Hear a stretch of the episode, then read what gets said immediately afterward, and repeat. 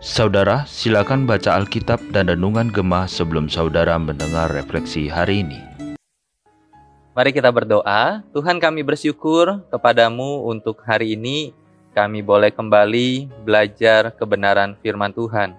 Tuhan berkati kami untuk setiap firman yang akan kami baca, kami refleksikan di dalam perenungan firman hari ini. Di dalam nama Tuhan Yesus kami berdoa. Amin. Bapak Ibu, Shalom. Biarlah Tuhan sendiri menyertai setiap kita dalam perjalanan hidup kita.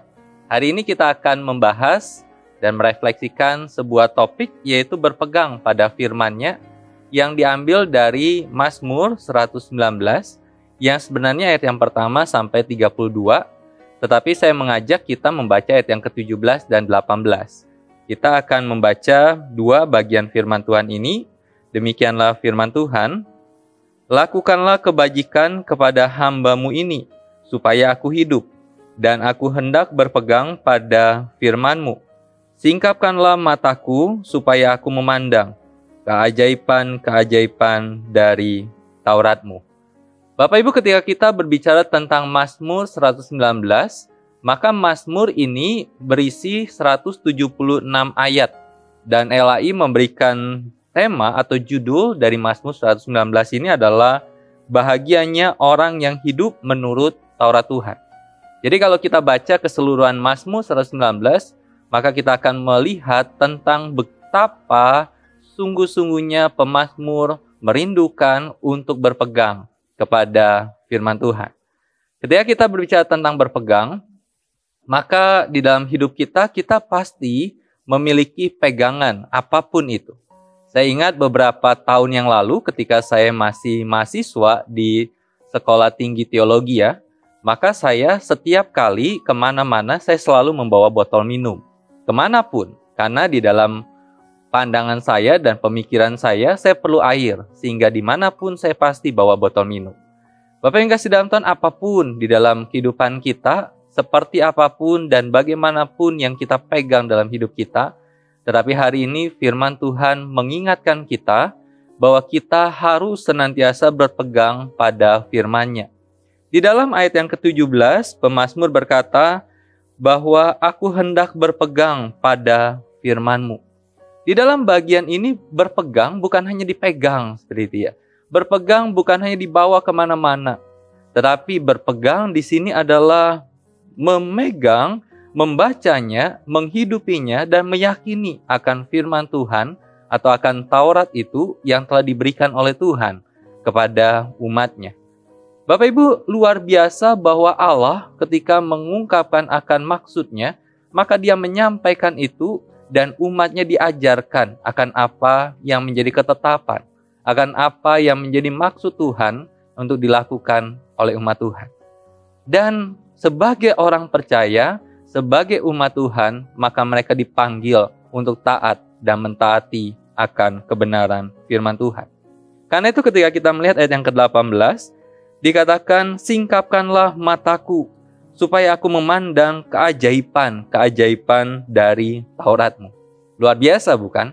Ketika kita melihat bahwa bagi pemazmur, firman Tuhan itu adalah hal yang luar biasa ketika dia membaca firman, membaca Taurat, menggumulkannya, melakukannya, dan berpegang kepada Taurat Tuhan, maka banyak hal luar biasa yang Allah akan singkapkan di dalam kehidupan umat Tuhan.